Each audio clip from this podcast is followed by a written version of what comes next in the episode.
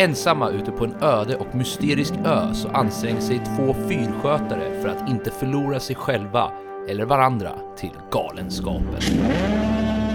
Filmen vi ska prata om idag är regisserad av Robert Eggers och skriven av samme Robert Eggers tillsammans med Max Eggers. I rollerna ser vi bland andra Robert Pattinson, Willem Dafoe, Valeria Karaman och Logan Hawks. Filmen är en timme och 49 minuter lång, hade en budget på 4 miljoner dollar och blev bland annat nominerad för en Oscar för Best Achievement in Cinematography inför 2020 års Oscarsgala. Idag ska vi prata om The Lighthouse.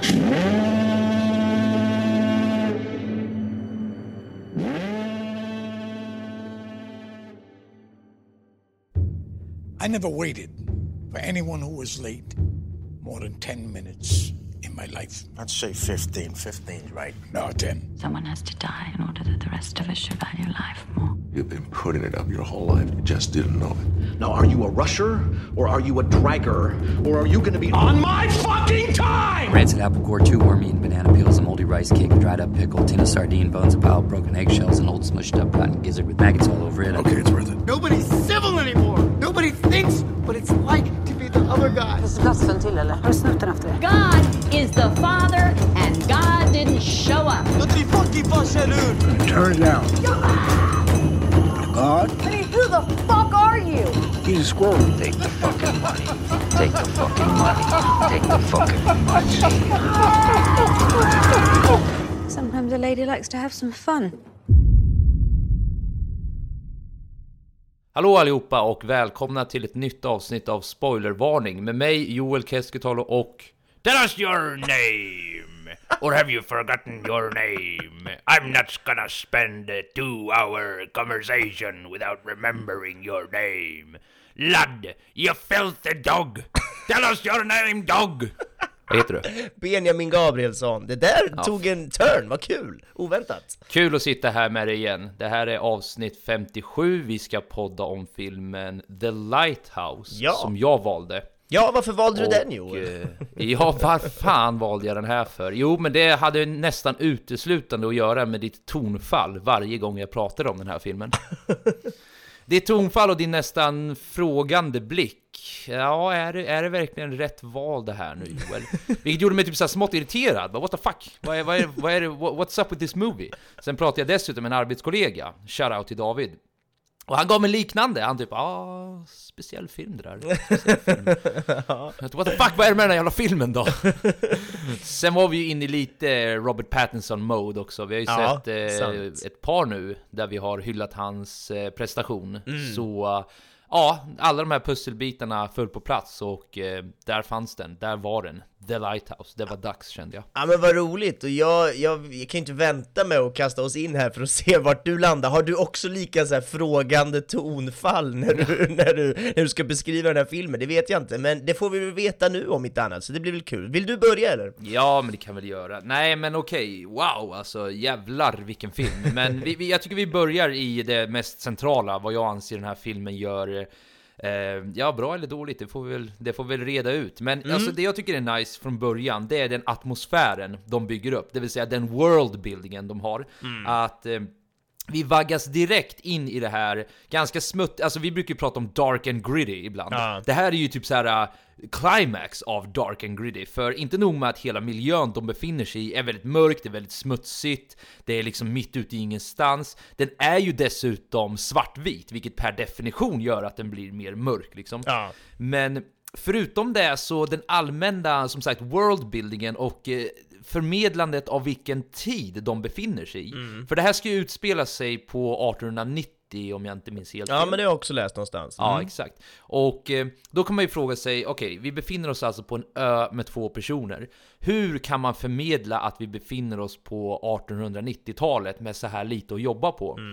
Men det är det jag tyckte de gjorde så jävla imponerande, för de lyckades förmedla det här genom saker som, ja men du vet, de mytologierna som existerade på den tiden. Mm. Eh, särskilt bland de som vi har att göra med här, det vill säga typ så här sjömänniskor, eh, särskilt då Willem Dafoes karaktär. Mm. Men att det handlade mycket om tentakelmonster, det var The Kraken, det var Davy Jones, det var sjöjungfrur, det var själar som satt fast i, eh, i eh, vad heter det, fåglar och du vet, Ja. mycket så här som man verkligen trycker på att ah shit, jag, kan, I can totally see att vi befinner oss på den här tiden. Men framför allt sättet de pratar med varandra, Mm. vilka sorts ord de och jag ska inte påstå att jag är någon jävla linguistic expert på hur man pratade på den tiden. Men Jo, tydligen om vi lyssnar på det du sa för alldeles liten stund sedan. Ja, jag är hemlig, jag, jag har suttit och liksom lite si, sidoplugg utöver, men jag, jag, vi kommer dit så småningom du och jag. Tack. Nej då, jokes aside, men alltså det, bara, bara känslan, sättet de tuggar på varandra, vi ska prata som riktiga pirater. Eller då framförallt William Dafoe. Ja, Aj ladd, jag är filthy dog! Alltså, det, det är så jävla mycket tryckt på, ja, som sagt, I can totally see att ni pratar det på det sättet då. Så bara summa summarum, vi kastas in i en värld som känns mörk, som känns smutsig och som känns trovärdig på sitt sätt. Så det, det är väl ungefär där jag, jag heter det, ja, en härlig liksom början på den får jag ändå säga. Här- Härlig worldbuilding. Ja men vad kul, jag, jag kan inte annat än att instämma just det här med liksom tiden och världen de bygger upp. Det, det jag tycker är väldigt speciellt här, för du var ju lite inne på det här med den speciella liksom, eh, ja men hela filmens speciella, vad ska vi kalla det, ton och form har jag skrivit i mina Ja, anteckningar. den är ju väldigt speciell. Den är ju väldigt speciell, rent till det yttre då kanske, men även såklart det som faktiskt händer i filmen. Men, men eh, Mm. det, det jag tänker är ju att den här, det är ju liksom den här konstiga tonen och formen på hela filmen som är det som både fångar mig och skrämmer mig på samma gång. Mm. Utveckla. Och då menar jag inte att det skrämmer mig liksom i en skräckfilmsmening, för så hade det absolut kunnat vara här, men, men Ja. jag menar mer att den skrämmer bort mig en aning, precis som jag tror att den gör med gemene man. Mm. Jag menar de flesta man pratar med har liksom inte sett den här filmen och kanske inte Nej. kommer göra det heller, just för att den är svartvit och med bara två skådespelare på en ö och du vet, ja men det skrämmer ju bort folk, Mm. Ja. vilket jag förstår. Absolut. Ehm, jag själv har ju liksom inte direkt kastat mig över den här filmen, men, men jag ser den gärna just för att jag tycker det är kul att se Mm. olika typer av filmer och bara vad är det här för galet liksom, det här blir spännande. Mm. Men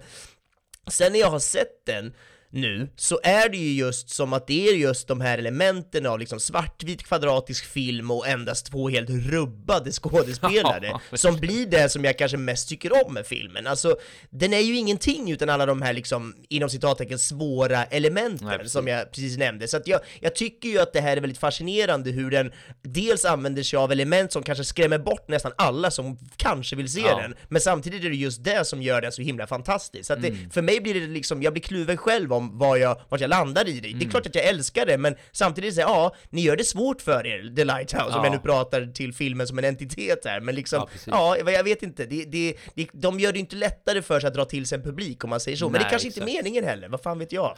Nej, men jag tycker du målar upp en eh, ganska fascinerande, vad ska man säga, dikotomi där. Att vi har å ena sidan det som gör den så bra och det som gör den så liksom unik är ju just att den är, ja nu kanske vet jag säger samma sak två gånger, men alltså att den är så unik, alltså, den är ju så speciell och det är ju dess styrka. Ja. Men i och med att den är så här speciell så får ju det också en negativ effekt för de typerna som kanske inte går igång lika mycket på så kallade speciella filmer. För Nej, det finns ju en gnutta av, om, vi nu ska kalla det specialitet, alltså att, det, att en film kan vara lite speciell, Ja. där det fortfarande är den är fortfarande så pass jordnära att man kan acceptera att den är lite speciell. Mm. Jag kan tänka mig en film som Memento kanske faller under den, i den eh, eh, kategorin. Mm. Att den är speciell på sitt sätt, men den är inte så speciell att det är specialiteten i sig som gör den bra. Det gör det ju för sig också, hela scenariot där är ju gripande på sitt sätt, men den är fortfarande så pass jordnära att vem som helst skulle kunna se den. Sen kanske man uppskattar specialiteten i den mer eller mindre, men här är det precis som du säger, här är det nästan bara speciell. Ja. Så jag kan verkligen se att det här är en vattendelare. Jag ska faktiskt fråga Sandra, shoutout till Sandra om du lyssnar på det här, för vi såg den här tillsammans och eh, jag, fick, jag uppfattade inte riktigt vad hon tyckte om den, men jag fick lite vibbar av att hon kanske inte riktigt gillar den så mycket som jag gillar den. För jag måste säga det att Jag älskade den här filmen. Mm. Alltså till skillnad från dig så blir jag inte alls... eh, Jag säger inte att du blir turned off nu nödvändigtvis, men jag, jag har inte ens någon ambivalens kring det, utan jag, jag, jag, jag var helt jävla såld på allt det här sjuka. Men det är ju någonting med hela den här galenskapen som finns i filmen, för det, Ja. det är nästan, det är liksom en av de punkterna som jag tror att jag gillar mest, är ju just hur Mm. den här filmen, ja men den sätt att prata om ensamhet och galenskap. Mm. För det känns som att ensamhet ändå är något vi har sett förut på film, och det kan Ja. såklart te sig på väldigt många olika sätt, det har vi ju sett ja, liksom tusentals gånger, men här är det ju den här isolerade ensamheten som känns så jävla mörk och galen, och Ja, den kanske blir ännu starkare nu när vi delvis lever i någon slags nedstängd Ja, isolation precis. själva då på grund av pandemin. Så, Ja. Och då vill jag verkligen inte säga att det är, ja, det är fan inte synd om just dig och mig. Det finns folk som det är så mycket Ja. mer synd om som, ja du vet, har, bor i andra länder, hårda restriktioner och så vidare. Men, Absolut. men det är just det här med att Ja, ändå. Jag tror att den tog lite starkare på mig än vad den hade Mm. gjort om det inte var en pandemi just nu, kanske. Ja, men jag, jag kan faktiskt se det också ärligt talat. Jag kan, jag kan tänka mig att eh, ungefär som att man inte ska se en flygkraschfilm när man, precis innan man ska hoppa på ett flygplan. så, så kanske den här, vilket hände mig by the way, har jag berättat det eller? Nej, men- Alltså de, de drog ju på, vad heter det, en, alltså den, du vet vissa flygplan har ju officiella filmer de visar liksom. Ja. De drog på filmen Flight. men det är Du vet som börjar med att, med att planet kraschar. Vi ska inte fastna i det, men jag blev helt såhär Men är det liksom en fuck? rolig praktikant som har kul på jobbet, eller är Ja, det liksom en seriös, de är såhär, nu ska vi visa att det går bra, eller vad är tanken med det? Oklart, oklart. Eller så misstolkar de vad det var för sorts film. För sanningen är ju att en stor del av den filmen handlar ju inte om just eh, alltså om eh, flygplan som kraschar. Men filmen öppnar ju ändå på det sättet. Så man kan ju tänka då att yikes, kanske ska tänka lite i filmvalet. Men jag, jag, jag känner att det är lite samma sak här. När man är isolerad och känner att isolationen driver en till vansinne. Ja. Då kanske den här filmen inte är den första man vill plocka upp då och bara ja! Fredag kväll, nu ska vi kolla på det här. Vad har vi gjort Benjamin? Vad är det vi har skickat ut för film till världen här? Det jag undrar, träffar den här filmen väldigt rätt i tiden eller väldigt fel? Och det, det är väl, ja, det är upp till var och en kanske. på, Ja exakt, jag tror det beror på vilket sorts temperament man har. För jag Hur tror att den mycket här filmen restriktioner är- man har bott med kanske. Hur mycket det också, ja precis. Mm. Jag menar, är du, är du isolerad i, vad ska jag, nu, nu gissar jag bara, men så åttonde, nionde månaden och inte har fått träffa dina vänner, din familj, din släkt Ja. eller någonting och du ser den här. Det finns ju folk du- som har det så, det är svårt för oss i Sverige Ja. att förstå det, men det finns ju folk som faktiskt har det så. Absolut, och jag menar då kanske flaskan, om du, om du har om du har tvivlat lite, är det värt att ta till flaskan? Sen ser du den här, då kanske det kanske var den droppen som behövdes innan Innan det, di- dina, de, de dropparna skulle börja fylla Innan man börjar se sjöjungfrar i badkaret ja. Ja, mm, men det lite är aldrig så. långt Börja bort. prata som en pirat från 1900 eller 1890-talet. Men det är ju någonting väldigt intressant med, med liksom galenskap och vart det leder en. Jag menar, Ja. Pattinsons karaktär ser ju både en sjöjungfru och någon slags jättebläckfisk där med, med Dafoe Ja, upp i precis. tornet och... Ja, men The de där fisk- Kraken. Ja exakt, The Kraken. Och jag menar fiskmåsarna verkar ju vara skumma som fan de också. Ja. Så det är ju så mycket sorts sjukt som händer. Vad sa du? Alltså, ver- verkar ha någon sorts låtsasrivalitet med honom. Ja exakt, det känns ju som att de också är, ja men de, de säger de, ja, de är också galna givetvis, men jag tänker också att de är, det, det, det var väl någon sägen om att de var gamla döda sjömän Ja, eller något sailors, sånt ja. eller? Ja, precis, och det, det kanske är exakt vad det är, de kanske är där och härjar för att de, de är Mm. levande individer på det jävla sätt. Um, Ja, precis. Men det är Försökte så- varna honom för Defoes galenskaper bara He was the one that killed me, så gå inte upp dit igen. Men det är så mycket sjukt som händer här i, i liksom huvudet på dem och, och det gick ju faktiskt till den grad att jag länge var inne på att Dafoes karaktär kanske liksom inte ens fanns överhuvudtaget. Nej, att han bara precis. var inne i, i Pattinsons, ja men att du vet att han behövde någon att prata med, han var inne i Pattinsons huvud helt enkelt. Ja. Ju längre filmen gick så kände jag dock mindre av just den här grejen, för det, jag tror, jag landar ändå i att jag tror att båda fanns där och båda blev knäppa och döda varandra till slut, men Mm. det var ändå intressanta liksom, att ja, det var inte alls omöjligt att det skulle kunna vara så knäppt det också. Vad, vad tänkte du om hela den grejen? För att citera Thomas Wake, då Willem Dafoes karaktär. Ja. How long have we been on this rock? Five weeks? Two days? Where are we? Help me recollect. Maybe I'm just a figment of your imagination. Maybe I don't even exist. Maybe this island is a figment of your imagination. jag, jag tänker så här. Ja, den är vacker, den jävla Thomas Wake-dialekten. Eh, nej, men jag tänker så här att eh, ja, jag tror också att båda existerar där och att båda liksom, eh, ja, båda driver varandra till vansinne. Hela scenariot eh, händer.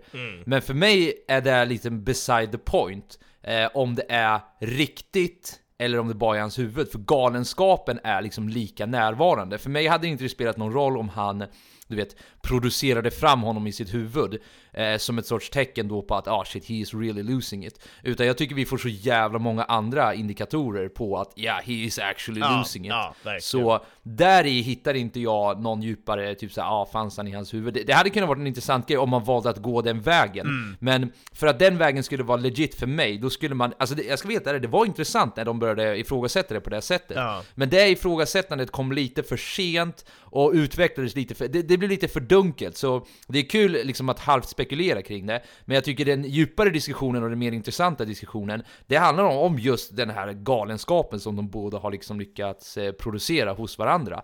Ja. Och eh, Ja, det, det var ju också en grej som jag vad heter det, allmänt tyckte de gjorde jävligt bra. Att, eh, jag skrev här i min not att alla vägar leder till galenskap. Och eh, då refererar jag lite tillbaka också till när vi poddade om Good Time och eh, Uncut Gems, där Mm. jag skrev att alla vägar leder till stress. Mm. Och i de poddarna så lyfte vi upp många element som den filmen hade lagt fram som att ah shit, de har, de, de, de har musiken här, de har liksom attityder. Det, det är så många olika pusselbitar som gör att ah, vi, vi drivs mer och mer till stress. Mm. På samma sätt som de drev de karaktärerna till stress och tittarna till stress så har de korresponderande pusselbitar här, fast de leder oss mer och mer till galenskap. Och eh, då skulle jag vilja lyfta upp eh, men alltså dels bara om, om vi bara går tillbaka lite till scenariot man befinner sig i, Ja. alltså att vara ensamma ute på en öde ö i ett sällskap som är, alltså låt oss vara ärliga här, helt jävla odräglig ibland. Alltså sättet som Thomas Wake, det vill säga Willem Dafoes karaktär, behandlar Robert Pattinsons karaktär, det är ju fruktansvärt ju. Alltså att ha en sån chef generellt, du vet, i riktiga världen hade ju kunnat gett en ångest och drivit en till vansinne på, på det begränsade sättet. Men ponera nu att du dessutom ska bo med den här jäveln. Ja. Och att du inte bara bor, du kan inte ens ta dig därifrån. Alltså det, för, det är lite otydligt exakt vart de är, men det, det är ju väldigt långt till fastlandet i alla fall. Det har de ju liksom etablerat. Ja. Och eller, lägg fram ännu mer pusselbitar här, att ah shit, eh, han dricker väldigt mycket dessutom. Mm. Han verkar, alltså Willem Dafoes karaktär, han verkar vara besatt av det där ljuset där, eller av själva fyrlampan. Ja. Jag, jag får ju uppenbarligen inte så. Han hetsar ihjäl honom, vi har det här konstanta ljudet i bakgrunden, vi har det faktum att de sen inte ens kan komma bort från ön. Och sen har vi alkoholen i allt det här. Ja. Alltså, det, det, är ju som, det är ju den perfekta setupen för att verkligen tappa allting ärligt talat. Så ha- har du några mer tankar om det? Jag, jag ville bara lyfta det som att, eh, wow, snacka om att verkligen framgångsrikt eh, lyckas förmedla att Ja, I would have gone crazy too, eller I would have gone crazy too, ska man säga det i så fall. Jag tycker det är jätteroligt när du gör den här rösten, det är, det är spot on verkligen. Joel har en ny skådiskarriär, väntar här nu, bara sådana roller. Eller en röstskådespelarkarriär om inte annat. Så kanske det är, det är perfekt för barnfilmer, piratfilmer och sånt. Det är, det, Ja, jag kommer typ. typ använda Det är där jag slutar om ett par år. När alla andra mina drömmar, alla mina projekt, allting har bara gått åt helvete, då sitter jag där Her children, let us go on a journey together. Ehm, ja men ja, verkligen intressant och jag tycker ju, det är någonting med det där du var lite inne på i början och som jag var lite inne på i början, det här med att ja, att, att om, om Defoes karaktär ens fanns och hela Mm. den grejen. Och jag, Ja. jag landar ju nu när vi pratar om att det nog är lite skönt att det inte var så, alltså att, det- att de inte gick den vägen, att allt bara var i hans huvud. Mm. Ja. För det hade ju blivit en sån typ av film, där Mm, det är, precis. nu ska vi vänta hela filmen på att få den där revealen på att nu finns Ja, inte exakt. han, och så Oj, blir vilken det... twist. Ja exakt, det blir en twistfilm där man väntar på en Mm. twist och sen när man väl vet twisten så är det inte så mycket mer än att ah, det här var en film med en sjuk twist och sen that's it. Ja. Men nu var det verkligen inte en sån typ av film och det, ja jag vet inte, det var asnice nu när jag liksom landade i det på något sätt. Det tyckte jag var riktigt härligt och Mm. ja som du säger, galenskapen överhuvudtaget, den där ön, Mm. det är ju det som är det intressanta här. Det är inte intressant om han egentligen fanns eller inte i hans huvud utan det är ju snarare att ja, fan vad galen man hade blivit på den där ön som du säger med Mm, verkligen. bara alkohol, knappt någon mat, man blir fast där ute. De har ju också sagt innan att man får ju mer betalt desto längre bort ön ligger, så att de är ju Ja, antagligen det. liksom långt ute helvete bort från allt Mm, annat. precis. Och, äh, men det finns ju någon slags otroligt liksom eh, Ja, men det finns någon slags ensamhet. Jag har ju, jag kan liksom inte relatera till det för att det är så konstigt att vara utstängd på en ö där ute, Mm. men ändå så är det, det skrämmer mig något ofantligt att bara tänka Mm. tanken och vara där ute och sen dessutom då med den här jobbiga Defoe om, Mm. om han nu är den man är med, ja, men då är det ju mardröm. Jag hade blivit knäpp direkt tänker jag, så att det är väl Ja. egentligen helt eh, rimligt att de blir så knäppa som de blir kanske, Mm. vad vet jag. Ja, och alltså en, en av anledningarna till varför jag tycker det är, också en, en av de här pusselbitarna jag pratar om som verkligen förmedlar är att det här kommer bli en galen resa de eh, liksom är med om. Det är ju vad han hela tiden pratar om, den här Thomas Wake. Ja. Alltså jag gillar ju dialog väldigt mycket i filmer och det här är ju en, verkligen en dialogfylld film med Mm. väldigt många memorable quotes man kan lyfta. Men ett av dem tycker jag är, och jag ska inte citera, jag ska inte gå in i piratrollen nu, utan jag ska, jag ska bara Eller, prata eller generellt. lite kanske, eller? Lite kanske, vi får se. Men det, det de pratar om i början, när alltså, de sitter där i, eh, ja, vid deras lilla köks, middagsbord och Ja. eh, Defoes karaktär tvingar in Pattinsons lite, ja, lite alkohol, så, ja, du måste dricka det, det, här. mm. Jag är trots allt- För han alltså, dricker ju inte alls i början Pattinson, Nej, det är ju när han börjar göra det som det börjar gå brant Ja, ut det, för. då eskalerar det ju verkligen. Nej, han är ju en stickler i början Ja. och det stör ju sig Dafoes karaktär lite på, för han är ju allt annat än en stickler. Mm. Han är ju verkligen en pirat, alltså det, det, det är ju det han, liksom, det han är mer eller mindre. Mm. Men då har de en diskussion där de först, eh, där Defoes karaktär börjar med att säga typ såhär, men du måste kunna slappna av för helvete, det, det är nu vi ska sitta och snacka, det är nu, vi ska ha gött liksom. Eh, för, för, och då tänker man typ såhär, ja men sure, han är en jobbig eh, chef att ha att göra med, men at the end of the day så är han också människa, när man sitter vid matbordet, då kan man dricka, då kan man ha det trevligt. Man vaggas först in i den känslan, men sen så fort eh, Pattinson börjar fråga om eh, fyrtornet, alltså ljuset där uppe. Ja. Då ser man direkt hur han ändrar inställning. Jag tror han släpar honom till och med i ansiktet och typ så här säger eh, Eller ja, det, det hade ju för sig kanske att göra med att Don't kill the seabirds. Det var ju något Ja, sånt där. det, det Men var- poängen jag vill förmedla är bara att det är så jävla otydligt vad han är för sorts karaktär. För att Mm. så fort man, man får inställningen av att ah, han är en fucking douche alltså, fy fan vilken jobbig typ att ha att göra med. Men sen vaggas man in i att nej, men han verkar ändå vara decent. Alltså sure, han är fucked up på sitt sätt, men at the end of the day, han är människa, han gillar att dricka, han gillar att liksom äta gött och sådär. Men under, liksom, när, när man vaggas in i den känslan, så abrupt avbryts den känslan och man vaggas snarare in i att okej shit, han är mer än bara en douche. Han har ju tappat det redan nu liksom. Ja. Alltså han har ju verkligen tappat det. Det får man ju också se alltså, ganska tidigt också när han sitter där och pratar med ljuset, att han är ju lite tokig redan från början. Ja. Så det är just den här tvetydigheten, att man aldrig riktigt vet vart man har den karaktären heller, som jag också tycker är en sån jävla stark eh,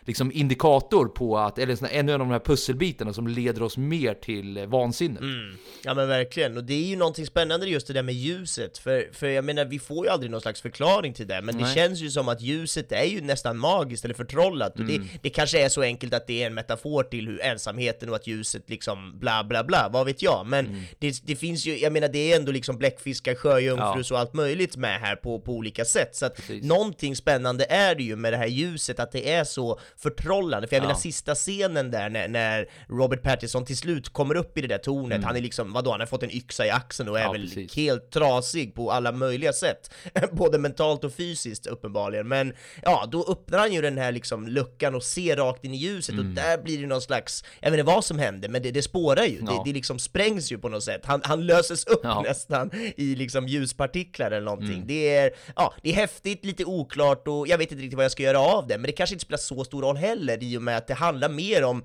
liksom deras galenskap Mm. på den här ön snarare än de här liksom, för att det var någonstans jag läste någon, någon recension där det var någon person som tyckte att det, att, eh, ja, men det, det var liksom någon som hade gjort, gett en halvbra kritik till den här filmen och då var en av de kritiska punkterna var att, eh, ja men att det var övernaturliga element med liksom bläckfiskar, Mm. sjöjungfrur och allt vad det var och det tyckte den personen var negativt och det kan jag verkligen förstå för att det här, jag om någon brukar ju vara en person som kanske vill att det ska vara liksom väldigt realistiskt Ja. och jag liksom så här, blandar gärna inte in övernaturliga element om det inte behövs och så Nej. vidare men här tycker jag ju att det funkar, här tycker Mm. jag att det behövs, här, eller behövs, men fan är jag att säga om det behövs eller inte, men jag tycker att det funkar för jag tycker att det i kontexten med deras galenskap Mm. så blir det där bara väldigt, ja men det understryker ju hur galna de faktiskt kan vara Mm. och deras, vad de upplever och vad de känner och allting så att jag, jag är inte den som sitter och tror att ja men det fanns en sjöjungfru, det fanns en bläckfisk uppe på Mm. taket eller vad fan liksom, utan ja, nej det där var ju snarare bilder eller metaforer eller bara en rakt av jävla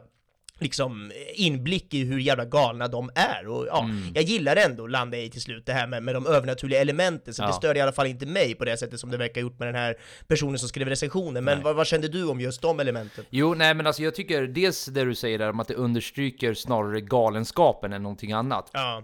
Men jag tycker också att det understryker den här första pointen som jag pratade lite om, det här med att det reflekterar lite över vilken tid de lever i. Ja, exakt. För Bra. om du tar eh, Mr. Robot så att säga, eh, som inte jag har refererat till på ett tag nu, men som jag alltid Ja, brukade göra på de första avsnitten, för jag gillar den serien väldigt mycket. Men hans galenskap och hans tolkning, eller tolkningen de gör av den galenskapen som han upplever, det är ju med kostymklädda agenter som liksom, eh, som spanar på honom, som jagar honom, och han, han, han har väldigt mycket delusions om hur världen faktiskt fungerar. Och Ja. jag tänker att det representerar ju den moderna människans eh, twistade sinne i det här fallet. Han är liksom en hacker, han har liksom de referenserna han hela tiden måste jobba med. I det här fallet så jobbar de ju med referenser från 1890-talet då, då. och de referenserna kommer ju vara de grejerna som det pratades väldigt mycket om då. Vilket var typ så här, ja, i och med att vi inte har utforskat haven så vet ju inte vi vad som finns där under. Nej. Så vi, vi tror att det kan mycket väl finnas en kraken, det kan mycket väl finnas sjöjungfrur, det kan mycket väl finnas andra liksom monster. Så då är ju det också det som kommer dyka upp i de här, äh, du vet, galenskapsfantasierna. Ja. Och eh, angående den där pointen, det här är också en detalj som kan vara lätt att missa. De nämner ju till och med, eller Willem Dafoes karaktär pratar ju lite kort om eh, det där ljuset och han han, han, han refererar ju till någon annan då, typ såhär, ah, vad, jag tror att eh, Pattinsons karaktär frågar vad hände med din tidigare assistent? Ja. Och då säger Dafoes karaktär bara, ah, han blev galen av det här ljuset. Mm. Och då, sen säger han en grej som, är, som jag vad heter det, som kan vara värt att understryka. Han säger någonting i stil med att att den assistenten då trodde att det var en gudomlig, eh, att det var någon, någon gudasken som hade kastats ner i den där fyren. Mm. Och att det var därför han tolkade den så gudomlig. Jag ser för övrigt inte det som att det är inte assistenten som tror på det här, utan det är Willem Dafoes karaktär som tror det där. Aha. Men min poäng med allt det där är att det är ju inte, det, det det blir ju mer än bara en eh, en fyr då, att även om du, låt oss säga att du är Pattinsons karaktär, du är ganska jordnära, du tror inte på något av det här, men du har ändå hört det, och du, du lever ändå under 1890-talet, vilket är, du vet, den vetenskapliga, vad heter det, traditionen, alltså alla vetenskapliga upptäckter vi hade gjort, det var ju inte liksom fullständigt, det är inte fullständigt nu heller, men man har ju kommit mycket, mycket längre än vad man hade gjort då. Ja. Så det är ju inte helt orimligt att börja tänka i de tankarna. Och lägg då dessutom till det faktum om att de är strandsatta, de kommer inte komma därifrån, jag är här med en som driver mig till vansinne, och dessutom jävligt mycket alkohol. Till slut blir det så, plus det faktum att om jag säger till dig Benjamin, du får inte göra det här.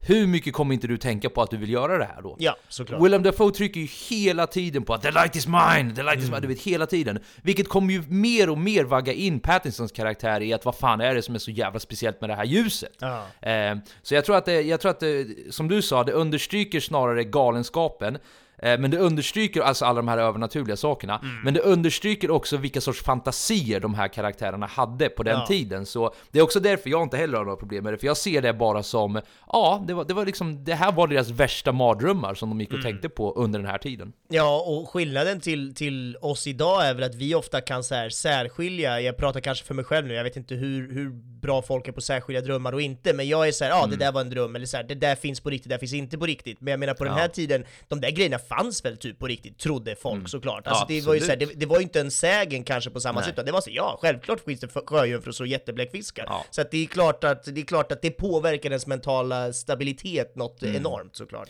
Ja, verkligen. Eh, jag skulle vilja lyfta upp en grej som är lite orelaterad till det här kanske, men som jag Ja. ändå tyckte var så jävla nice i den här filmen. För nog för att den är seriös, den är ju jättemörk, den är ju jätteseriös. Och det här är ju verkligen någonting som man ska ta på allvar. Saker som ensamhet, saker som makt och kontroll och allting man kan hitta. Men fan vad rolig den här filmen var alltså. ja. Alltså det var flera gånger som jag bara dog av skratt, för Ja. alltså Willem Dafoes karaktär gick ju stundtals in i liksom en Gordon Ramsay-roll nästan. Eh, det, det var ju någon scen eh, ganska tidigt, eh, vad heter det, i filmen då. Komplimang till Gordon Ramsay. Ja, men lite så va? Exakt. Nej men du vet, vi har, vi har stött på den här arketypen tidigare också. Vi stötte på den i Whiplash också, den här obarmhärtiga läraren typ, eller den här obarmhärtiga chefen som bara är så jävla ruthless. Och eh, då är det en scen i filmens första 30 minuter när Pattersons karaktär Eh, vad heter det? Han är, han är håller på städa någonting Och då kommer Defoe bara 'You've been neglecting your duties' Och så, så går de ut i den där jävla skju, vad heter det, skjulet eller vad fan det är och bara 'What do you call that?' Och då pekar han ner på golvet och han bara eh, 'Vad fan? Vadå? Jag har ju städat det' Och han totalt sågar det, han säger något 'This begrimmed and bedabbled' Alltså han drar sina jävla referenser med hur jävla fruktansvärt dåligt det är Ja. Och han, hans respons är ju typ så här, alltså jag är ingen slav jag kom hit för att jobba, jag är en hård arbetare, jag har städat det här bättre än vad drottningens eh, egna hus skulle vara. Ja. Och han är obarmhärtig, han, han bara köttar på honom och bara Det är så jävla dåligt det här, det är det värsta du har gjort. Om jag säger åt dig att skrubba om det här tio gånger så ska du göra det. Om jag säger åt dig att klippa av alla dina naglar så kommer du göra det, för du är bara en filthy jävla dog! Och man bara Jesus Christ alltså, han tog ju verkligen inte ner på det här. Så massa sådana där, och sen, jag vet inte om du tänkte på det, men hur många gånger tror du han sa lad under den här filmen? Ja men jag vet inte, hundra kanske, jag har ingen aning. Ja, jag, har, jag har tyvärr ingen siffra på det Nej. heller, men när jag skulle kolla igenom lite citat, då insåg jag att jävlar vad mycket han säger ladd. Alltså det är hela tiden ladd eller så här dog eller något sånt där. Ja. Bara det gör det Och sen, sen har vi ju så här, så här klassisk kiss och bajshumor, som, som vanligtvis inte är så kul, men i kontexten av var de befinner sig så blir det på något konstigt sätt också kul. när Pattinsons karaktär i slutändan bara Jag är så fucking trött på dina pruttar! Alltså dina jävla pruttar, de har drivit mig till vansinne! Och, du vet, och sen en annan scen när han vilket är för övrigt en av de mest gripande scener i hela filmen När de båda är fulla och de, de tjafsar med varandra. Och Dafoes karaktär visar upp lite så här, lite, vad ska man säga, lite sårbarhet. Men du gillade väl min, min hummer i alla fall? S säg att du gillade min hummer, du måste ha gillat min hummer! och han totalt sågar honom Jag bara nej jag hatar din hummer, den är värdelös Varpå han går in i värsta, du vet förbannelsemodet Ja. Och bara stirrar på honom jätteintensivt och bara I curse you for all the seas Och slutar hela den här sjukt intensiva monologen med Fine, I like your lobsters Jag vet inte, jag bara tyckte det var så härlig så här, eh, com, vad heter det? Com comedic relief, eller vad man säger, utan att Comic det kanske relief, ens försökte ja. vara det. Comic relief, ja precis. Så... Och sen, jag måste bara lyfta upp det också, det var en annan scen när de, de har slut på alkoholen Ja. på... Är det rom de dricker? Ja, kan vara. Det känns stereotypt för tiden, men jag vet inte om det är det per se. Men det borde väl Det är vara väl lite otydligt vad det är de dricker i Ja. alla fall. Det verkar vara stark sprit i alla fall. Ja, det är det. Då i alla fall så har de eh, fått slut på allting och de, de, de, typ så här häller olja för att försöka extrahera den lilla delen. De, det är- alltså det är oklart vad de gör där också. De men gör ju någon försöker- superhäxblandning, hembränt Ja. grej som du antagligen dör av om du dricker. Precis, och de, de dricker några klunkar av det och sen skriker båda bara Monkey Pump! Och så bara slår de sig själva som att de vore apor. så samma sak där. Ja, Jag vet inte, det, det, var, det var en film som där jag inte trodde jag skulle finna humor. Fann jag mig själv skratta mer än vad jag gjort på väldigt länge när jag kollar på en film. Så ja, det, det tyckte jag också var riktigt nice. Ja men det är riktigt kul att du tar upp det faktiskt, för humorn är kanske ingenting, precis som du säger, någonting som, som står understryket just på den här filmen. Det är inte det man tänker att den här filmen ska vara, en humorladdad rulle, men det är den ju också i allt det här superfördärvet. Ja. Och det, det, jag kan inte hjälpa med att bara dra upp också en liten sån här scen, men jag tyckte det var så kul när de, det är väl också någon gång när de super skallen av sig Ja. och att de, de dansar omkring där i vardagsrummet och blir Ja. liksom det sköna, och sen så är det någon scen där de helt plötsligt, de bara klipper skarpt till att de istället håller om varandra, Ja, alltså typ exakt. tryckare. Och så helt plötsligt så vaknar de båda upp lite grann från det och lägger liksom typ pannorna emot varandra och de ska typ kyssa varandra för att de Ja. båda antagligen är så fucking ensamma och sen bara inser de vilka de är och då övergår Ja, det till världens exakt. bråk som typ, alltså när de typ dödar varandra, så det är helt sjukt. Och sen är det Ja. också så här snabbt ett klipp tillbaka i, efter bråket, ja då ligger de och håller om varandra på Ja, golvet istället exakt. och sen Ja, klappar är på huvudet, det är så jävla roligt. Ja, och och man kan ju till och med typ så här, och nu ska jag absolut inte dra för höga växlar i det, men man kan ju typ ish relatera till lite av de här alkoholsituationerna. alltså på ett mycket, mycket mindre plan än vad som händer där trots allt. Men alltså de där hoppen, de här, de här intensiva känslorna, där Ja. ena stunden kan man vara så jävla förbannad och sen håller man om varandra och man vill prata känslor. och sen morgonen, klipper det till morgonen efter, saker är översvämmade, man typ så, här, man halkar fram lite, man, man ställer sig och ska pissa, vet, hans jävla dagbok flyter förbi. Alltså som sagt, jag, jag, jag menar ju inte att jag, alltså, det här har hänt mig, men jag, jag, liksom, det här är liksom det extrema av vad som Ja. kan hända en själv. Det får man ändå säga, men kul är det åtminstone att kolla på. Men då har jag en sista, och vi, vi har ju rört lite vid det här nu också, Mm. eh, under hela den här diskussionen, men det, det är ändå en fråga jag skulle vilja eh, ställa till dig. Ja? Eh, och då har jag skrivit så här. What does it all mean? What does it Va, all vad är budskapen? Man, som sagt, vi har rört lite på det här med ensamhet och allting, men, Ja. men finns det, vad, vad, vad vill den säga oss den här filmen egentligen? Eller vill den säga oss, det hade ju varit en, det hade varit i linje med den här sortens film, att den kanske inte vill säga oss någonting. Den, den kanske bara vill visa att så här kan det gå liksom. Men har du, har du reflekterat över om det finns här, så här typ eh, filosofiska här, implikationer bakom det här, eller hur tänker du? Nej, inte mer än att, än att det är liksom, ja, det, ensamhet och, och, att det kan leda till någon slags galenskap och att jag kanske tog med mig det in i någon slags eh, pandemiverklighet i min egna mm. hjärna och att det är i så fall ensamheten jag framförallt ja, som jag tar med mig kanske, men, mm. men det är absolut ingen djup poäng med det. Vad tänker du om, om, om någon slags sensmoral? Jag måste vara helt ärlig att det var nice att du lyfte upp eh, pandemin som jämförelse, för jag hade faktiskt eh, inte tänkt på, på det alls, men eh, det kanske har att göra med att vi inte är lika isolerade här och kanske Nej. inte riktigt kan Men jag håller med dig om att det, det här med ensamhet är ju verkligen ett aktuellt ämne just nu. Ja. och det har ju varit ett aktuellt ämne på, alltså det, det, är klart att ensamhet har ju alltid varit en jobbig grej. Ja, liksom. men mer än någonsin nu. Mer än någonsin nu ja, liksom. De, mm. de, de, de, de psykologiska konsekvenserna av att inte kunna lämna sin lägenhet liksom. Mm. För de nu som har det, som sagt. Ja, och jag så. menar då har vi ju, förlåt jag avbryter, men då har vi ju liksom Robert Pattinson kanske är någon, någon stackars familjemedlem som då lever med, ja. med liksom Defoe, som är den andra hemska familjemedlemmen. Ja, jag menar, våra anmälningar och så här, våld i hem ja. har ju aldrig varit högre än vad det är nu under pandemin, ja, så att det, det, finns nog mycket hemska paralleller. Man kan, mm. Fan, det är kanske därför ingen ser den här filmen, den är för, den är ja. för slående lik pandemitiden. Ja men typ, alltså det är mycket möjligt, men förutom den, och nu läser jag ju sociologi också, så, mm. så jag, jag, jag, tänker väldigt mycket på makt, för makt är ett centralt begrepp som man brukar arbeta väldigt mycket med inom sociologin. Och eh, jag försöker ju då se, om, om jag bara ser vad det är som händer här mellan de två, så är det ju ett tydligt maktförhållande mellan att Defoe är den som liksom Eh, ja, bestämmer och eh, Pattinson är den som eh, man måste ta emot på något sätt. Mm. Och det här är ju återigen, bara för att dra tillbaka till den här arketypen jag pratat om tidigare, den här Gordon Ramsay-arketypen. Att eh, det här är ju ett sorts eh, en sorts, vad ska man säga, ett sätt att lära ut på i hans fall, eller ett sätt att vara boss på. Och jag minns att då diskuterade vi vad är problemet med det, om det också resulterar i, om det ger bra resultat. Mm. Men Saken är ju det att det vi ser här nu är ju maktmissbruk, mm. ärligt talat. Och det är ju det, jag, jag minns att vi också snuddade lite vid det där att eh, det är visst, man, kan, man kanske kan rättfärdiga att man är på det sättet om man sen också kan säga ah, nej, det här är den bästa, eh, alltså de, de, de, spelar i så pass hög liga att de ska klara av en sån här press, mm. och det här är vad som kommer producera resultat. Men jag tycker och det här är en tanke jag inte riktigt har tänkt färdigt här nu Men vänta, jag för jag tycker det är jätteintressant, ja, men jag tänkte bara dra en snabb parallell, för jag tror att ja. vi pratade lite om det här, om du minns, när vi pratade, poddade och pratade om eh, Whiplash, du vet, ja. musikläraren som är helt galen på den skolan. För där är det ju också mm. så här, liksom utnyttja sin makt för att nå det bästa resultatet hos de här eleverna. Mm. Och är det då rätt? Jo, men kanske eh, om det ja. blir liksom världens bästa jazztrummis, eh, men, men, kanske inte då om det blir en människa som, som vill begå självmord för att han tycker att han är värdelös på på, musik. Nej. Alltså så här, vart drar man de gränserna? Och, ah, det var en intressant diskussion då, ja. och det är det även nu mm. såklart. Jo, för, för, där skulle ju han kunna säga, och jag tror att, alltså i Whiplash då, och jag tror att han också säger det att eh, Eh, det här är vad som, alltså det, det, här är mitt sätt att lära ut och det här är vad som kommer producera genier liksom. Ja. Även om det kanske inte stämmer så kan han fortfarande rättfärdiga sig på det sättet. Mm. Det jag ser i den här filmen är att eh, det är bara ett pure, alltså det kanske började som goda intentioner att ah, jobbet ska bli klart på det här sättet så fort som möjligt och så bra som möjligt. Mm. Men det har ju spårat ut totalt och nu handlar det nästan om pure jävla maktutövande. Eller det är åtminstone så jag tolkar allting, för mm. trots att Robert Pattinson har jobbat så jävla... Och det här är egentligen en väldigt sad, en väldigt eh, sorglig konklusion av allting.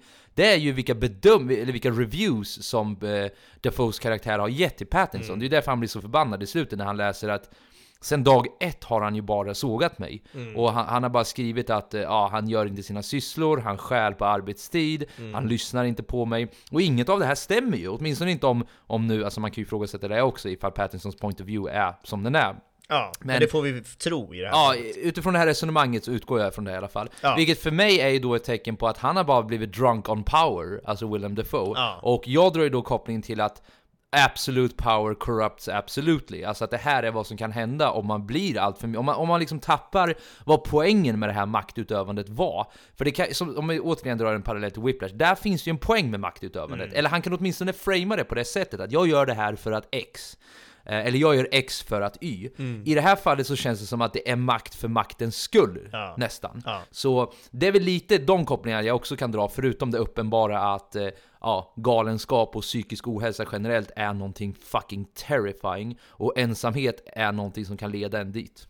Ja, fina ord. slutar vi med. Ja, men jag tycker det. Det känns ju bra. Ska vi gå över till eh, Detective? Ja, jag vill bara slänga in en liten sista grej bara. Ja. Och jag, jag vill fråga dig, ofta inte vet du, själva fyrljuset påminner lite om Sunshine? Oh, du tänker just liksom vad, vad ljuset gjorde med folk där på något Precis. sätt? Ja, absolut, det gjorde det. Jag Men på liten parallell där. Ja. Nej, eller hur? Jag jag kommer bara tänka på det nu när vi pratade, när vi när jag liksom såg framför mig hur han dyrkade ljuset Mm. och allting. För där hade vi också människor som blev, utan att spara den för mycket nu men eh, folk som blev galna av, eh, av solen helt Ja. enkelt. Liksom den, den gudomliga makten de tillskrev solen. Verkligen, och desto närmare man kom den, desto liksom mer påverkade den. Och så känns det ju här Precis. också på, på, på något konstigt sätt. Jag menar, Defoe har ju varit där uppe alldeles för länge, så känns det ju. Ja, verkligen.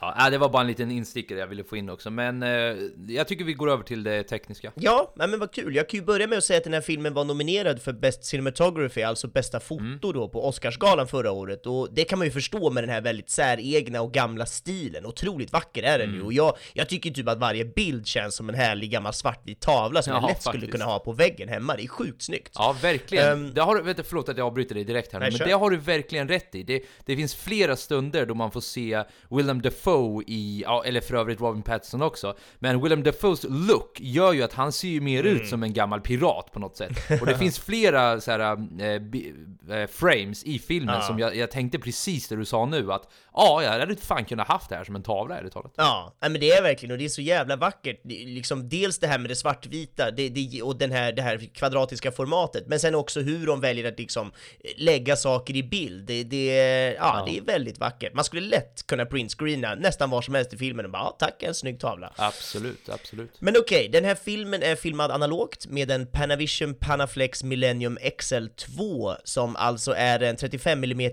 filmkamera och eh, här var det tydligen ingen tvekan om vad filmens regissör och manusförfattare, alltså Robert Eggers, ville använda. Det stod nämligen nästan allra överst på manuset att citat “Must be photographed in black and white 35 mm film aspect ratio 1 to to 1” eh, slutcitat. Så Eggers var verkligen tydlig vad hans visuella vision var för den här filmen redan på manusstadiet, så, så det var ju lite kul. Och det vi kan ta med oss från det här är ju de här tre sakerna som rent visuellt och tydligt sätter tonen för filmen. Och det är ju de sakerna som stod där på manuset, alltså att det är svartvitt, att det är filmat med film och att det är 1, 2 till 1 i aspect ratio. Och aspect ratio för er som inte vet så är det alltså bildformatet som filmen är filmad i, alltså själva storleken på bilden.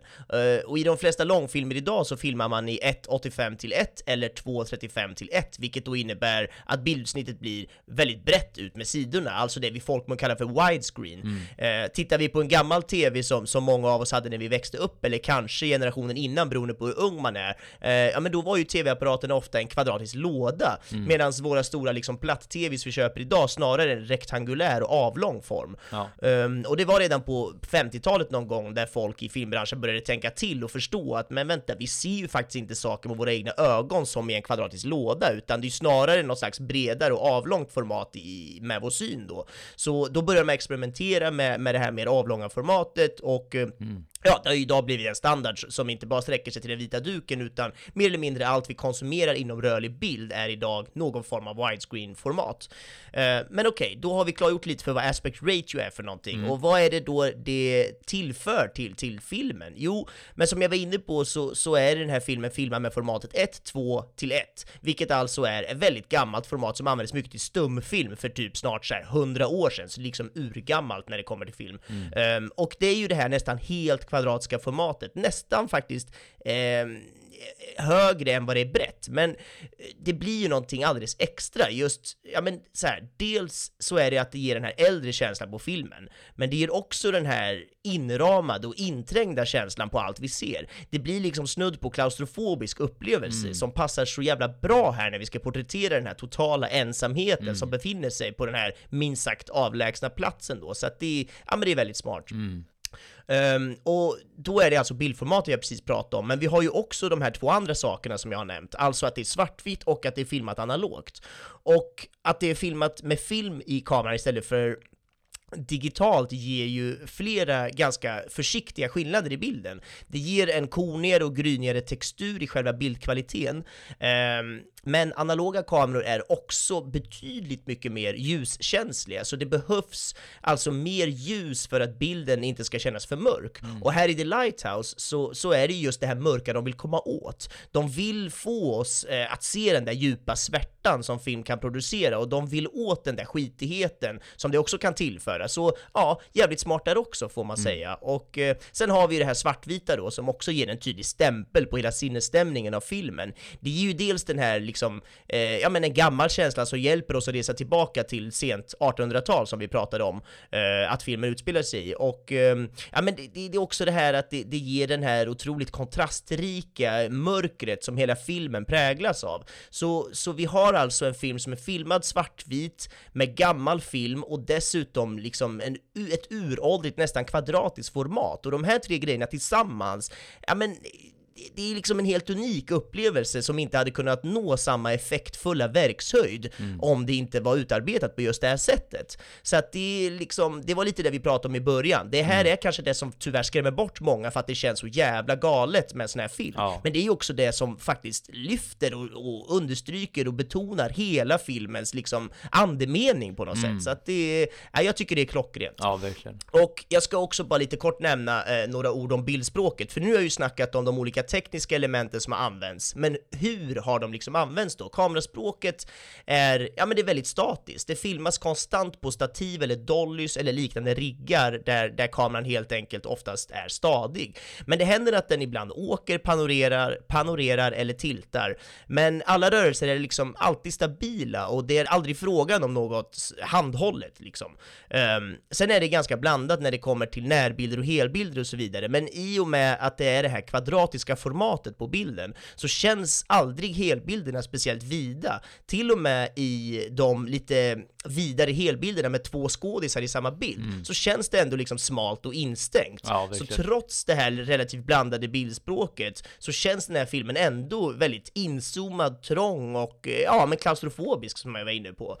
Ehm, så att det är ju ja, väldigt smart tekniskt utförande för att liksom stärka filmens egenskaper. Ja. Ehm, Ja men det är ingen tvekan om att det är fotografiet och själva bilden överlag som ger den här filmen så många djupa extra lager som jag precis har rabblat upp här. Men, men, men bortsett från bilden då så måste jag också bara lyfta ljudläggningen som något väldigt speciellt och slagkraftigt. Ja, verkligen. Det är en liksom konstant ljudmatta av vatten och vind som, som beroende på tidpunkt ofta ackompanjeras av ljudet från stormar, fiskmåsar och såklart det här konstanta ljudet från den här signaltutan eh, eller som jag efter några googlingar har kommit fram till att det heter mistlur som alltså är då ett slags varningsljud som, som båtar ska höra när det är för dimmigt för att se själva Just fyrens det. ljus. Såklart. Så det makes sense att den finns Ja. där. Men, men, ja, men det, det, det roliga är att det makes sense, men det är ju också så här, ja det är klart som fan man blir galen att höra det där Ja, ljudet verkligen. konstant varje dag, så det är helt sjukt. Vi är ju galen bara av att titta på filmer och höra det hela tiden. Exakt! Så, ja men det, det är liksom helt enkelt ett jävla påträngande ljud, eller alla de här ljuden, och, och det låter som någon slags Ja men det där larmet, det låter ju som någon slags krigslarm fast, fast med jämna mellanrum och med konstant repetition. Ja. Eh, och, och- det finns väl inte så mycket mer att säga här än att jag bara tycker att det är så jävla nice ljudläggning med alla de här tämligen simpla och självklara ljuden men, men som ändå lyckas måla upp en så tydlig bild av den här otroligt avlägsna platsen.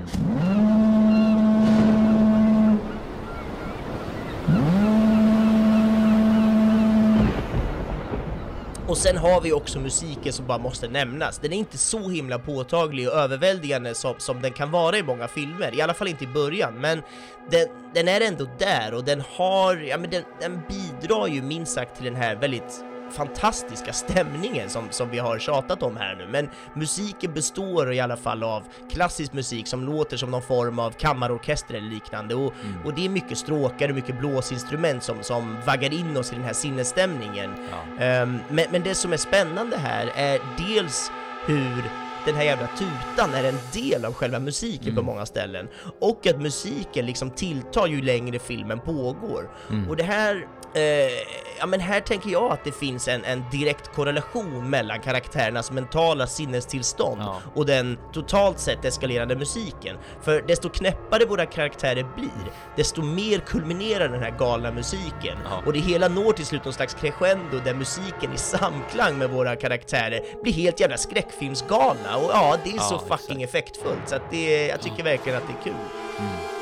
Så ja, det var väl min lilla utläggning om det tekniska Mm. och hur det på, på många olika sätt kan hjälpa oss att komma in i den här filmens allra djupaste hörn. Mm. Ehm, men en sak vi inte har snackat så om, om som, som såklart är bärande för hela filmen, Mm. ja men det är ju det här med skådespeleriet. Så vad känner vi där Joel? Är det någon punkt du vill hoppa på? Alltså inte nödvändigtvis annat än att jag vill säga att det här är nog den bästa prestationen jag någonsin har sett från både Willem Dafoe och eh, Robert Pattinson. Ja. Eh, ja, men jag, jag tror det, bara för att det, ja, men det... Det känns som att den krävde nästan en sån här prestation för att det här budskapet om galenskap verkligen skulle nå fram. Och jag kommer gå in lite mer på det i Trivias också. Ja. Men nu har, jag har sett ganska många filmer med Willem Dafoe, Mm. vill jag ändå säga. På sistone har vi också sett en del med Robert Pattinson. Och vi har ju pratat mycket om hur nice det är att han har brutit sig loss från den här Twilight-skuggan som Ja, han till viss del levde under. Mm. Och det här är ju så, det är ju fenomenalt alltså, fr- från Ja. bägge skådespelarna. Alltså man är ju så, jag är så jävla övertygad om att de är de karaktärerna som de framställer sig själva att vara. Och bara de dialekterna som de har lyckats anamma, vilket jag också kommer ta upp lite mer i Trivia, men bara det tycker jag gör det så jävla mycket bättre. Mm. Så det, det är verkligen bara, och här är det ju dessutom lätt att diskutera skådespelarinsatserna, för det är ju egentligen bara de här två vi har att diskutera, eftersom, ja, mer eller mindre bara de här. Det dyker ju upp några, någon flashback på Winslow och... eh, Sjöjungfrun. Och, eh, Sjöjungfrun, men mer än så är det ju nästan Nej, inte. nej. Så det är ju de här ska verkligen... Vad sa du för något? Ska fiskmåsen få lite cred Ja, kanske? det var ju starka prestationer från Fiskmåsen. De- De brukar ju kunna vara lite Ja, halvkrackiga hur? annars, men här tyckte jag att de också levererade. Så, så en big thumbs up till eh, Fiskmåsarna. Nej, men vad har du att säga? Vad, vad, alltså, vad, vad mer kan man säga egentligen? Det är Nej men det är inte så off. mycket mer att säga, jag är helt inne på ditt spår. Jag tycker också att det här är bland det bästa jag har sett de här två skådespelarna prestera eh, rent individuellt sett. Och det, det jag egentligen är mest förvånad och besviken på, det kommer jag ihåg att jag tänkte redan då när vi hade våran Oscarspodd om Mm, Oscarsgalan. Vart var de här tvås nomineringar? Varför fick inte sant. de liksom... eh, Det, det är ju leading role, alltså manliga huvudroll, hade ju Robert Pattinson fått ta på sig och där, den hade han ju såklart inte vunnit för Joaquin Phoenix var där och var liksom Just någon det. slags, Mm. han var ju ja, oövervinnlig det året. Ja, Ehm, men jag tycker ändå att en nominering borde ha varit på sin plats och när det kommer till alltså Best Performance by an Actor in a Supporting Role, alltså biroll då som, Ja. som William Defoe hade hamnat under. Ja. Ja. men där tycker jag också att han skulle ha åtminstone en nominering, kanske till och med vunnit. Den som vann nu var Brad Pitt för Once Upon a Time in Hollywood. Och jag menar, den filmen hade otroligt mycket, men av allt häftigt i den filmen så vet jag inte om Brad Pitts roll var det som jag tog med mig. Men jag vet inte. Jag tror att jag hade kunnat sett um, Defoe vinna före Brad Pitt i just den kategorin. Ja, men, eh, ah, jag vet inte. Det, det är svårt att säga. Åtminstone så här kan jag säga, de skulle fan haft varsin nominering. Det är det enda jag tycker. Absolut! Fan, jag, jag, exakt, jag hade inte ens tänkt på det egentligen. Vad, fan, vad, vad hände med de nomineringarna? För om du tänker vad Brad Pitt Brad Pitt var ju Brad Pitt. Och Ja, menar, han sitter på Brad tak Pitt- utan tröja och som du säger, Ja. det är nice, ja, men det är inte Ja, så han gör sin grej liksom. Nej, här var det ju någonting extraordinärt skulle jag Ja. vilja hävda. Här, här, här når ju de höjder som jag aldrig har sett dem nå tidigare. Mm. Så ja, som du säger, och dessutom med det udda scenario de befinner sig i. Nej, Ja. Jag håller fan med dig. Det var lite av en travesty att de inte blev nominerade ens. Det är så får det vara den här gången, men, men ja, vi får i alla fall lyfta dem här. Ja. Så, så är det. Ja, men eh, ett lite, en liten summering då. då. Ja, vill du börja? Ja men det kan jag göra. Eh, alltså en, en trovärdig avbildning av eh, liksom hur galenskap, eller hur, hur man kan ledas fram till eh, galenskap. Alltså både inom eh, liksom karaktärerna i filmen, men också vi som tittade på den. Alltså, det var ju som jag, som jag sa min första punkt där, att alla vägar leder till galenskap. Men också trovärdig avbildning på den ju, ju mer vi pratar om det, desto mer kommer jag uppskatta den delen. Att det kändes också som att det var en trovärdig avbildning av den tiden och den sortens idéer och tankar man hade om saker på just den tiden. Och det var ingenting jag hade, riktigt hade förväntat mig på en film som var så begränsad till ett väldigt specifikt område. Mm. Så, eh, och den var dessutom jävligt rolig, vilket var udda i sig. Ja men kul.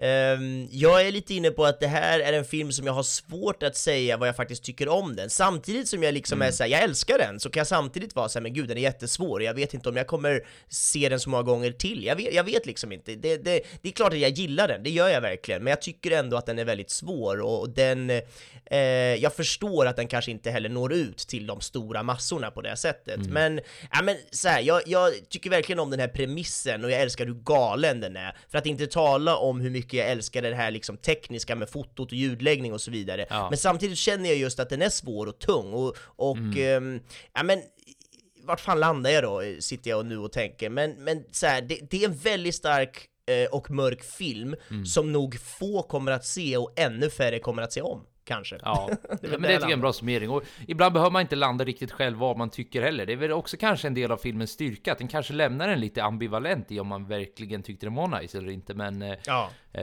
ja, nej, men eh, fa favoritscen då? Ja. Det, här hade jag faktiskt, eh, alltså det, det är klart att man kan, eh, det finns ju en uppenbar scen som jag faktiskt också valde, som stack ut. Men jag vill verkligen understryka hur jag tyckte att alla scener när de bara satt och pratade var värda extra uppmärksamhet. Eh, jag skrev upp några citat som jag inte hann med nu på grund av att vi pratar om så mycket annat, men det fanns så jävla många memorable eh, diskussioner de hade om olika saker som jag tänkte att wow, alltså bara den här hade jag kunnat lyfta upp som favoritscen.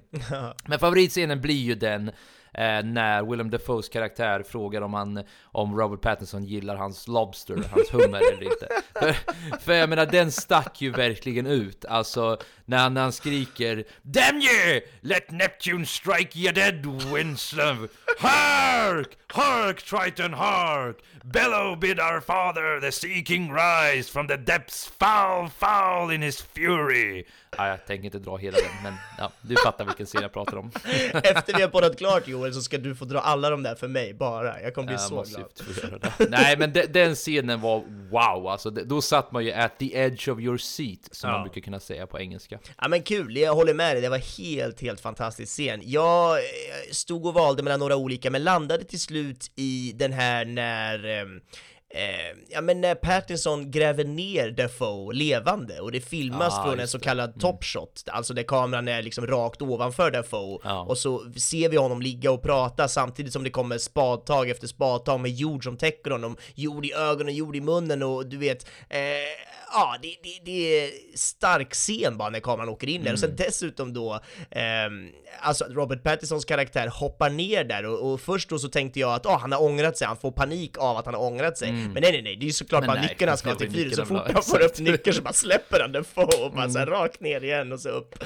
Vilket också är ett tecken på den sortens humor jag pratar Exakt. om, den sån här oavsiktliga humorn. Ja, ja, verkligen. Så att det är, nej, kul scen. Eller stark scen ska jag kanske säga, men den avslutades lite roligt trots allt. Men då så, då tänkte jag gå över till lite trivia som den här filmen. Ja, kul. Ja, eh, som vanligt då så finns ju de här på filmens IMDB-sida och eh, fanns väldigt många väldigt roliga. Så jag har plockat ut några av dem jag tyckte stack ut lite extra, men jag skulle verkligen rekommendera att ni tar er tid och bara scrollar igenom dem lite, för de, de var jävligt kul faktiskt. Ja, vad roligt. Så... Ja, bara för att ta den scenen då. Alltså, Scenen när Willem Dafoes karaktär förbannade Robert Pattinson för att han inte gillade hans eh, hummer då, då. Det var en enda tagning. Och eh, enligt regissören eh, Robert Eggers då, så blinkade inte Willem Dafoe på över två minuter. Oscar! Vart är Oscarn?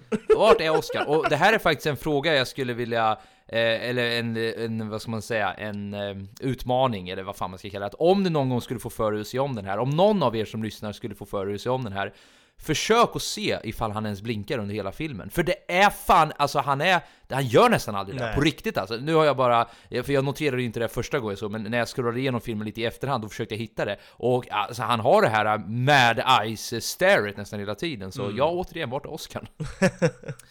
Okej, filmteamet spelade in den här filmen under extrema väderförhållanden. Det var frysande temperaturer, det var kallt Atlantisvatten, det var intensiva vindar, det var snö, det var regn och det var ingen beskyddande flora som gjorde att de hela tiden exponerades för extrema element under hela inspelningen. Så eftersom stora delar av filmen spelades in med de här äh, faktiska väderförhållandena så krävdes det för det mesta inga regn eller vindmaskiner. Eh, och där menade Robert Eggers att de galnaste och mest dramatiska grejerna filmades helt på riktigt. Ja. Så scenen när Robert Pattinson går ut i havet Mm. eh, under natten då, då, så var de först tvungna att skjuta upp det tills vädret hade lugnat sig något, för de var på riktigt oroliga att han skulle dras ner av en tidvattenvåg. Alltså det var den sortens förhållanden de liksom ville komma åt, men där var det Ja. inte för mycket. Fan vad häftigt. Eh, Robert Pattinsons dialekt i filmen, den är baserad på en dialekt från ett väldigt specifikt jordbruksområde i Maine, medan Willem Dafoes dialekt är en liksom eh, ihopsättning och en jargong och hopplock av eh, atlantiska fiskare från just den tiden. Eh, Robert Egger var väldigt noga med det här och kunde till exempel säga åt Dafoe eller Pattinson under inspelningen då, ah, vi får ta om det där, men öka hastigheten på det där uttalet med 75%. Du vet, sådana grejer. Ja. Finlir. Verkligen! Och det var ju lite det jag lyfte förut med sättet de pratade om, förmedlade ju också lite av den tiden de levde i, så det, det tyckte jag de gjorde riktigt bra. Och eh, det fanns flera versioner av manuset som Eggers menade var lite för tydligt. Eh, för i slutändan så var det Robert Eggers mål att göra sin publik så galna som möjligt och att bli lika förvirrade som Winslow. Så det slutgiltiga manuset var det som var mest galet och förvirrande av alla de olika manusversionerna som fanns tillgängliga. Så det var ju som sagt deras mål att de ville göra det lite otydligt och att ja, men det ska inte vara... Det, det, ja, men vi pratade lite om den här twisten. Att var det en twist? Kan det ha varit så? Man ska liksom inte riktigt veta, det, det ska ligga lite otydligt. Eh, skäggen på bägge karaktärerna är helt riktiga. Det är deras naturliga skäggutväxt. Det enda som var pålagt var Robert Pattinsons mustasch och Defoes ruttna tänder. är tack, och lov att det var inte äkta tänder.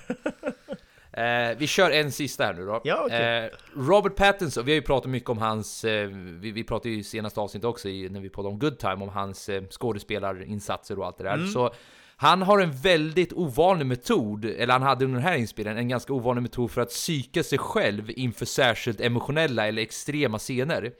Robert Eggers hävdade att, citat, Ibland så slog han sig själv i ansiktet väldigt illa. Eller när det regnade, då började han dricka regnvattnet mellan tagningarna. Han brukar också springa runt i cirklar, och, och, och så här, vilket han hävdade hjälpte honom. Eller så tryckte han ner båda fingrarna ner i halsen för att komma åt kräkreflexen, och sådana saker. Ett exempel på det här sista var under scenen när båda karaktärerna är fulla och Defoe ligger på Pattinsons bröst. Innan tagningen av den scenen så hade han tryckt ner fingrarna i halsen. Eh, Willem Defoe gav mig då en blick som sa ungefär If Rob fucking pukes on me.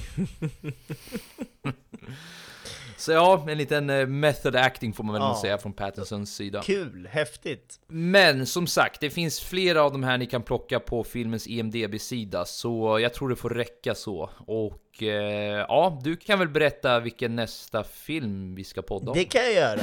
Nästa film kommer att bli The King 2019. Mm. Netflix-producerad film med eh, Timothy Chalamet, eller hur man nu uttalar hans namn, som, som Mm. har någon slags huvudroll där. Men eh, ja, jag vet inte om du känner till den Joel? Har du hört om den, sett den? Alltså, jag får en vag bild i mitt huvud. Jag har garanterat inte sett den, men jag, jag, jag kan ha sett den flyga förbi, du vet. Särskilt om det är Netflix Ja. då, då kan den mycket väl ha dykt upp där. Så jag har inte sett den, så, och jag vet knappt någonting om den, så det ska bli spännande. Ja men det blir kul. Jag har inte heller sett den och vet väldigt lite om den. Jag har bara haft den i min watchlist och tänker att nu är det dags. Det får bli den.